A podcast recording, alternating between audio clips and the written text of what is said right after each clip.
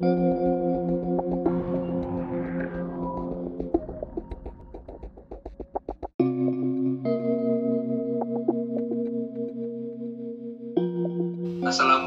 warahmatullahi wabarakatuh. Shalom, salam bajikan, namo budaya, Om Swastiastu untuk kita semua. Selamat malam Sobat Transbulan Transis sekalian, apa kabarnya? Gue harap semua baik-baik saja, sehat selalu, menjaga protokol kesehatan, dan juga mengerjakan apa yang telah kita kerjakan, terutama kewajiban kita seperti mengerjakan tugas, pekerjaan, dan lain sebagainya. Siap. Oke, pada malam kali ini gue ada Denok bersama Azam, Muhammad Haikal, dan juga Ahmad Rafi di sini. Nah, kami sekarang ini kita akan membahas tentang peranan geomatika dalam transportasi. Nah, ngomongin soal geomatika nih, salah satu teman kita, podcaster dari transport juga nih, yaitu adalah mahasiswa dari teknik geomatika, si Mas Raffi. Nah, Oke, bagaimana sih peranan geomatika dalam transportasi sendiri itu? Yuk, kita sama-sama bahas pada episode kali ini. Ya. Ini, udah nih kita langsung tanya-tanya aja ya sama teman kita yang satu ini eh, dari Raffi. Kita boleh nanya-nanya nggak sih, Vi? Eh, secara harfiah tuh atau secara umumnya gitu lah, yang mendasar banget gitu ya. Eh, geomatika tuh apa sih gitu loh? Boleh, monggo dijelasin nih.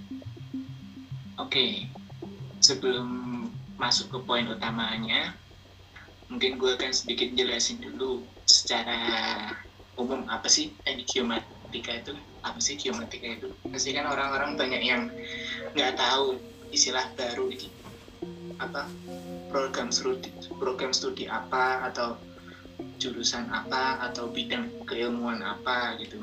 Jadi secara teori geomatika itu adalah ilmu perpaduan antara ilmu geodesi dan ilmu informatika. Jadi geomatika itu ilmu yang mengambil dari dasar teknik geodesi yaitu yang berfokus pada ilmu ke kebumian, perpetaan dan pengukuran.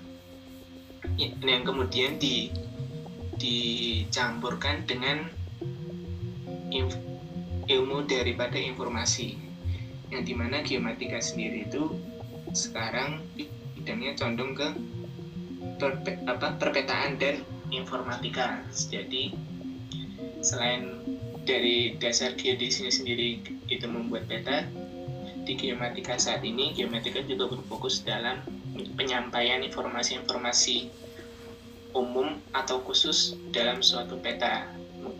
Mungkin misal dalam pembuatan peta perencanaan wilayah, peta pertambangan, peta transportasi, peta rawan bencana, dan masih banyak jenis-jenis peta lainnya. Dan untuk bidangnya sendiri geomatika itu ada tiga yang utama yaitu di darat dengan istilah terrestris, di udara dengan istilahnya fotogrametri, dan di laut dengan istilahnya hidrografi. Nah, di kesempatan kali ini gue akan menjelaskan salah satu eh, poin atau salah satu bidang dari geomatika sendiri yaitu pada bidang transportasi.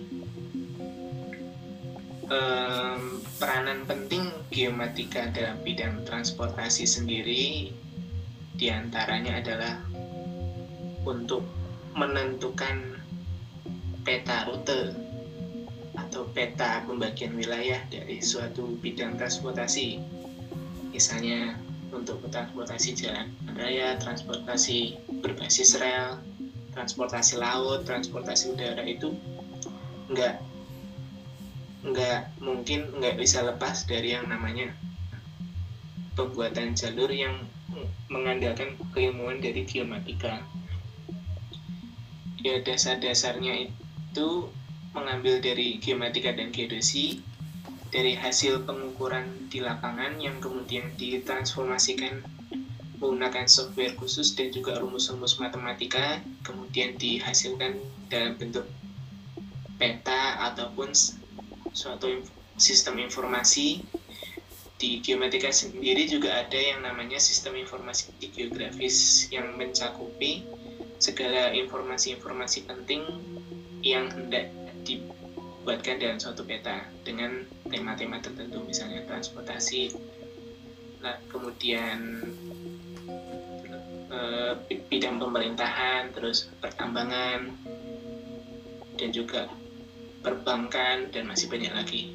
Untuk transportasi sendiri Contohnya adalah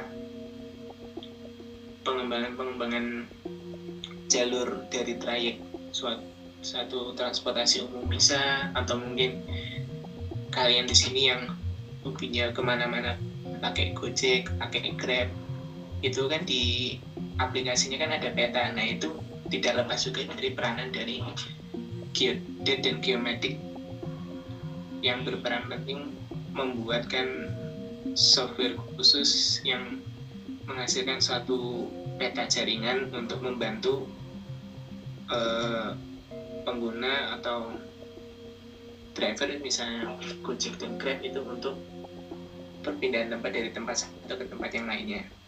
Termasuk ya juga FB apa kayak uh, dikasih sebuah sistem dari bisa software itu uh, memudahin si pengguna kayak contoh ngasih rute tercepat gitu itu salah satu betul yeah. Iya yeah. salah satunya itu mungkin memberikan rute alternatif atau mungkin di jalan utama sedang ada perbaikan atau penutupan karena suatu dan lain hal akan dialihkan dengan rute yang lebih cepat dan menghindari macet juga juga bisa. Oh itu juga berarti kayak misalnya dari Google Maps gitu tuh peran geomatika tuh masuk banget lah ya, dapat lah ya. Iya bahas soal misalnya uh, pemetaan nih tadi kan lu berbicara tentang kayak fotogrametri terus ada hidro hidrografi gitu. Nah itu tuh boleh kasih tahu nggak sih? Misalnya kan kalau tadi jalanan apa sih namanya? Tadi gue lupa tuh. Teristris. Nah. Itu darat darat nggak cuma jalan aja pokoknya semuanya yang ada di darat. Pengukuran yang ada di darat. Nah itu kayak gimana tuh kalau di, diimplementasikan ke dunia transportasi itu Vi?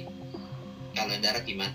Kalau yang misalnya uh, udara misalnya kan oh, kalau udara kita ngambil tampak atas lah ya lihat misalnya kayak kita lihat-lihat uh, peta sekitar ini sih kalau uh, di MRT kan di stasiun itu ada kayak misalnya ini stasiun Blok M nih daerah sekitar itu dalam radius berapa satu kilometer atau 1,5 kilometer ini tempatnya ada ada misalnya Blok M Plaza ada M Square ada Gultik, ada uh, kejaksaan, ada terminal Blok M. Nah itu berarti itu masuk ya geomatika ya dalam bentuk uh, si tadi fotogrametri ya?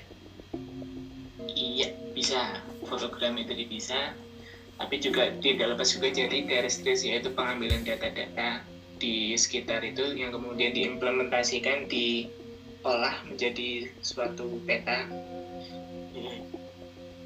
Nah kalau ini bisa dari daratan tuh apa tadi namanya lupa lagi teristris nah itu gimana tuh kalau diimplementasi ke transportasi itu Vi ya awalnya untuk pengukuran secara teristris itu dengan melakukan pengukuran di, di lapangan langsung mungkin misalnya jalan atau lapangan hutan atau lahan terbuka lahan tertutup hmm. lahan gedung itu biasanya ada sur surveyor yang melakukan pengukuran entah menggunakan teodolit atau total station ada juga yang pakai GPS RTK ya dan juga ada waterpass untuk uh, beda tinggi atau topografi. Iya betul.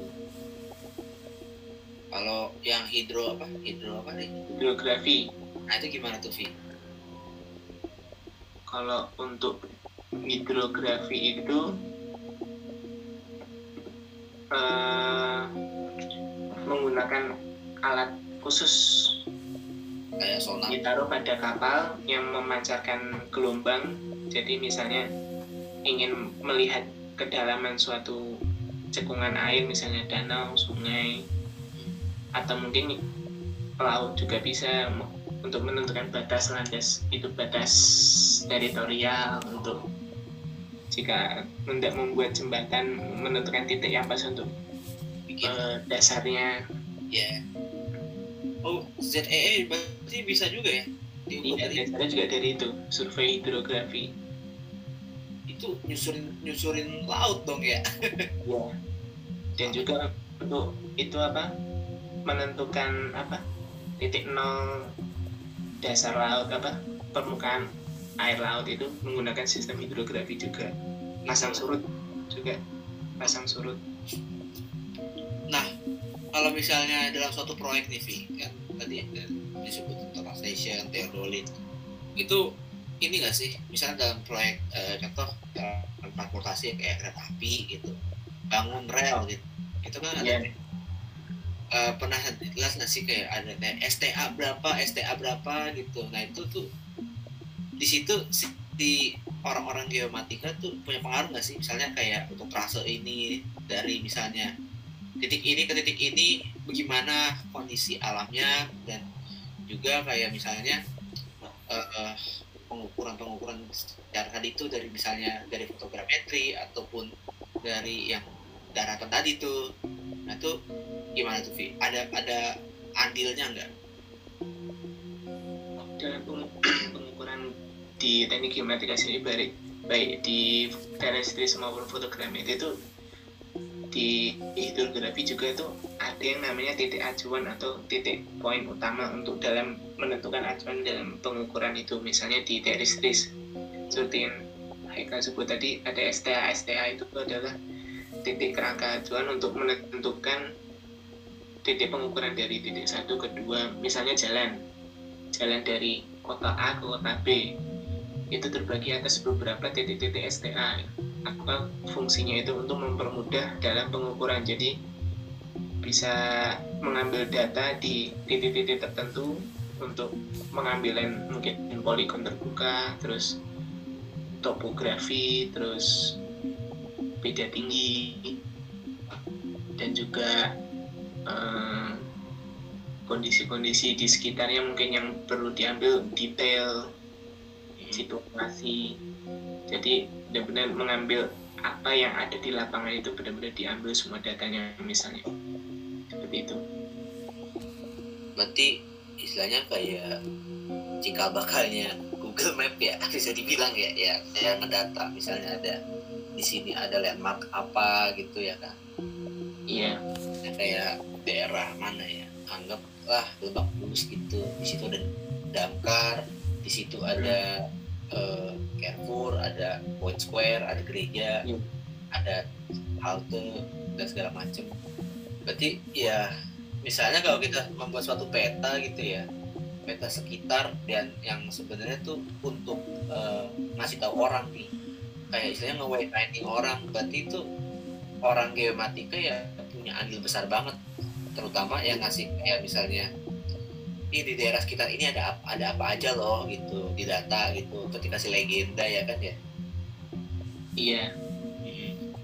Itu juga bisa juga kalau selain dari terrestrial itu juga bisa juga pakai eh, sistem informasi geografis pengolahan dari citra. Citra satelit gitu? Citra satelit yang mungkin di-download dari software tertentu kemudian diolah menggunakan software GIS misalnya ArcGIS, ArcMap, terus IR Mapper, NV dan segala macamnya. Maaf sebut benar. itu kan emang yang paling sering. Tapi yang paling sering dipakai itu adalah ArcGIS. ArcGIS ARC IS ya Hmm. oh gue pernah lihat tuh eh, kalau nggak salah di jalan tol ada namanya GIS BPJT BI Badan Pengatur atau Pengelola ya lupa ya Badan Pengelola Jalan Tol dia bikin eh, namanya GIS tuh. Jadi kita bisa nih nih tol-tol apa aja yang bakal mau dibangun apa tol yang operasi gitu. Bisa kita lihat nih kayak contoh Jor 2 oh lewat sini ternyata tolnya gitu. Hmm. oh itu GIS itu eh, geomatika ya? Apa pemetaan ya informasi information system atau sistem informasi geografis yang itu di dalam itu ter- mencakupi data-data suatu sesuatu yang ada di lapangan baik yang akan diimplementasikan dalam suatu peta. Oke, uh, untuk Rafik sendiri nih, kan tadi kan Hekel sendiri sudah membahas tentang peran geomatika itu dan pemetaan transportasinya. Nah sekarang nih gue pengen nanya nih, uh, kita tahu kan dalam pembangunan infrastruktur pembangunan transportasi sendiri kan seperti bangun jalan, bandara, kereta kan perlu banget tuh yang namanya survei lokasi. Nah, di sini peranan geomatika sendiri tuh seperti apa sih? Itu apakah dia hanya sebatas oke okay, kita bakal survei lokasi ini apakah bisa lewat apa enggak atau, sam atau sampai ngebahas kira-kira kontur tanahnya cocok apa tidak gitu? Uh, iya betul. Jadi peranan geomatika sendiri juga dalam pembangunan sarana infrastruktur transportasi itu juga salah satunya adalah melakukan survei uh, pengukuran situasi terlebih dahulu. Yang di mana sebelum ini tadi pernah disinggung yaitu menentukan daerah ini tuh suatu daerah tersebut tuh cocok apa enggak untuk dibangun jaringan transportasi. Mungkin dari keadaan alamnya tanahnya jenisnya cocok apa enggak mungkin daerah pada penduduk atau enggak atau mungkin tanah hutan lindung jadi mungkin harus dialihkan. Jadi benar-benar harus dicek dahulu lapangan itu sebelum melakukan pembangunan suatu jaringan transportasi geomatika yaitu menentukan juga titik-titik poin di geomatika geodesi sendiri sering menyebutnya adalah ada dua nama poin yaitu PM dan CP ya di mana benchmark sendiri itu adalah patok permanen yang dibuat dari beton atau piringan logam dengan ukuran tertentu yang berfungsi sebagai titik tetap untuk menunjukkan posisi dalam dalam bentuk data X dan Y serta ketinggian dalam bentuk data Z di suatu lokasi yang digunakan sebagai titik kontrol. Jadi untuk menentukan suatu jaringan uh, poligon ataupun yang digunakan untuk membangun suatu infrastruktur transportasi juga diperlukan data-data tersebut dan ada lagi yang namanya titik control point atau CP biasanya disebut titik control CP yang di mana definisinya adalah control point titik-titik yang membantu daripada titik benchmark tadi untuk melakukan pengikatan antara jaringan awal sampai jaringan akhir untuk menghubungkan satu sama lain untuk mendapatkan data-data spasial yang diperlukan dalam menentukan atau membuat suatu jaringan peta ketika akan melakukan suatu pembangunan jaringan infrastruktur. Oke, gue ingin bertanya nih ya, karena kan gue ya biasa di bidang sejarah gue kemarin menelusuri peninggalan stasiun di Anyer dan itu ada tanda yang gue itu masih asing. Tandanya itu namanya jaring kontrol tinggi geodesi. Nah itu apa artinya dan fungsinya apa gitu? E, sementara itu kan bangunan peninggalan bekas kolonial yang mana udah nggak kepake. Nah itu. Gimana tuh?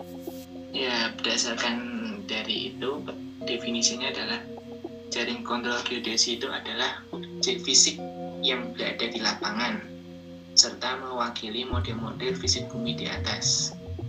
Jadi jaring kontrol geodesi itu adalah suatu titik kontrol yang menjadi salah satu patok untuk yang mewakili model-model fisik yang ada di atas bumi. Nah, jaring kontrol geodesi itu terbagi dari beberapa bagian yaitu jaring kontrol horizontal nasional, kemudian jaring kontrol vertikal nasional, dan kemudian jaring kontrol gaya berat nasional. Jadi JKG atau jaring kontrol geodesi itu bukti fisik di lapangan dari gender yang bertujuan untuk sebagai model fisik berupa titik kontrol, pilar titik gaya berat, atau juga stasiun pasang surut. Dan juga definisi dari jaring kontrol geodesi juga memiliki arti lain yaitu serangkaian titik yang saling terikat sehingga membentuk suatu jaringan yang dihasilkan dari pengukuran geodesi teliti serta memiliki fungsi sebagai titik ikat atau acuan dalam pekerjaan pemetaan dan rekayasa lainnya. Kalau untuk lebih mudah definisinya tuh kayak gimana? Ya, suatu titik yang mewakili objek di atas bumi tersebut mungkin jalan, mungkin tak lahan terbuka yang berfungsi untuk mengikat atau membentuk suatu jaringan yang dihasilkan dari pengukuran geodesi teliti serta memiliki fungsi sebagai acuan dalam pengerjaan pemetaan dan rekayasa lainnya. Oh iya Nivi, uh, kan sekarang juga lagi rame soal uh, pembangunan MRT fase 2 ya dari Bundaran Iya. kota nih. Nah, kira-kira tuh dalam uh, kan banyak banget problematikanya ya. Kayaknya kalau uh, uh, seru lagi dibikin episode tersendiri sih. Asih ya. Eh, problematikanya itu satunya ada kayak uh, benda cagar budaya yang tertimbun lalu kayak semacam eh, penentuan trase gitu jadi kan berarti nggak cuman hanya orang sipil atau orang teknik geologi tapi kan geomatika juga menentukan sebenarnya rute mana nih kira-kira yang eh, cocok gitu loh. Kira-kira eh, kalau kan ada namanya kan uji kelayakan itu kan semua orang teknik tuh ngumpul ya istilahnya. Nah itu itu kan eh, misalnya gini nih eh, orang geomatika mau memberi usul atau orang geologi memberi usul udah nih eh, untuk MRT fase 2 kita belokin aja trasenya atau la, laluannya masuk ke dalam Monas nih masuk ke area Monas. Karena ada pertimbangan begini-begini atau misalnya pertimbangan eh, di situ eh, terhadap misalnya kalau dalam teknik lingkungan ada pohon lah gitu. Itu kan ada uji kelayakan lalu misalnya lalu eh, orang geomatika ngasih saran lagi udah bikin eh, stasiun harmoni di sisi barat jalan ini eh, Hayamu eh Gajah Mada gitu. Lalu kan yang bikin rekayasa bagaimana nanti itu orang sipil gitu. Nah kayak gitu tuh ada nggak sih eh, peran-peranan si orang geomatika gitu kan, sebenarnya sih udah dikasih tahu sama Enok gitu bahwa infrastruktur tuh pasti ada gitu. Ya kira-kira tuh kalau misalnya gitu orang geomatika tuh berperannya di misalnya kayak apa tuh Vi? Eh, untuk geomatika sendiri ya tadi itu apa survei pendahuluan itu. Jadi menentukan mana ter- trase atau rute yang cocok untuk pembangunan daripada misalnya MRT ini. MRT misalnya lanjut dari fase 2 dari Bundaran HI Monas sampai kota. Itu juga perlu diadakan survei lapangan juga survei lokasi juga untuk menentukan kira-kira jika melewati daerah ini apakah cocok atau sesuai atau eh, bisa apa enggak gitu. Misalnya di bawahnya di bawah area tersebut banyak jaringan kabel atau jaringan pipa mungkin bisa mungkin nanti para surveyor geomatika akan membuatkan rute baru mungkin menjauh dari beberapa meter atau beberapa kilo dari lokasi tersebut mencari lokasi yang benar-benar dikira aman. Dan juga untuk pembongkaran titiknya itu juga diperhatikan juga se- sehingga tidak mengganggu transportasi di sekitarnya misalnya jalan raya yang kan MRT sendiri kan dibangun di bawah jalan raya kan. Jadi eh, juga mengatur titik pengeboran pembukaan untuk masuk ke dalam tanah tersebut. Jadi juga diper- perlu diperhatikan banget. Dan mungkin juga misalnya di eh, trase tertentu ada suatu cagar budaya atau bangunan bersejarah yang mungkin sudah lama terpendam kita nggak tahu itu bisa dialihkan atau mungkin bisa dibuat rute baru untuk menjaga daripada cagar budaya tersebut agar tetap lestari dan juga untuk mungkin juga dari pembangunan itu juga mengorbankan mengorbankan sekitar beberapa bangunan-bangunan mungkin yang mungkin harus digusur untuk pembangunan stasiunnya atau jalurnya yang mungkin berpengaruh juga termasuk kayak kemarin kita ngomongin ya soal DDT ya Vi ya. Iya. Ya ada lah ya uh, kayak sekelebat-sekelebat musyawarah. Gimana nih terhadap ada cagar budaya? Ya orang biomatika juga ikut andil lah di situ. Oke uh, ini pertanyaan terakhir dari gue ya. Lanjutkan pertanyaan gue tadi tentang peran geomatika kalau misalnya kita ingin membangun suatu infrastruktur transportasi. Cuman di daerahnya itu masih mas, apa agak kurang menentukan gitu nah pertanyaan gue adalah apakah laporan geomatika sendiri bisa menjadi acuan untuk teman-teman kita teknik sipil gitu? Apakah perlu tambahan lagi nih? Misalnya oke okay, survei geomatika gini gini gini tapi kita kita masih kurang data nih. Kita mesti nunggu surveinya anak geologi atau enggak anak perhutanan gitu segala macam gitu. Menurut Rani sendiri gimana? Ya untuk yang pertanyaan Hendok itu geomatika tuh lebih ke perencanaan dari proyek tersebut. Misalnya penentuan titik-titik aja misalnya. Untuk pembangunan jalur MRT misalnya dia lebih cocok dari titik A ke B, C ke D, mungkin lurus bisa dialihkan gitu. Nah kemudian itu tuh ber, saling berhubungan antara geomatika geologi teknik lingkungan teknik sipil itu saling berhubungan satu sama lain saling nyambung itu yang pertama dari geomatika sendiri yaitu melakukan survei langsung survei lapangan untuk penentuan titik-titik kontrolnya untuk proyek itu kemudian dari geologi juga menentukan jenis tanahnya kondisi geologinya di sekitar situ tuh cocok apa enggak gitu untuk dibangun untuk dibuatkan jalur MRT atau apalah mungkin jalan raya atau jembatan kemudian teknik sipil yang mengeksekusi atau membangun infrastruktur di daerah tersebut dan yang terakhir sendiri ada teknik lingkungan yaitu uh, menata kembali lingkungan tersebut setelah diadakannya proyek agar bisa kembali seperti semula rapi. Gitu. Oke, tadi itu banyak banget yang ilmu ilmunya bisa kita serap lah ya. Dan juga uh, kesimpulannya adalah bahwa dalam sebuah misalnya proyek gitu ya uh, itu banyak banget uh, peranan dari orang geomatika, geologi, tinggal mesin kimia pun juga mempengaruhi jadi ya dunia praktika tuh memang luas dan saling kesinambungan lah ya.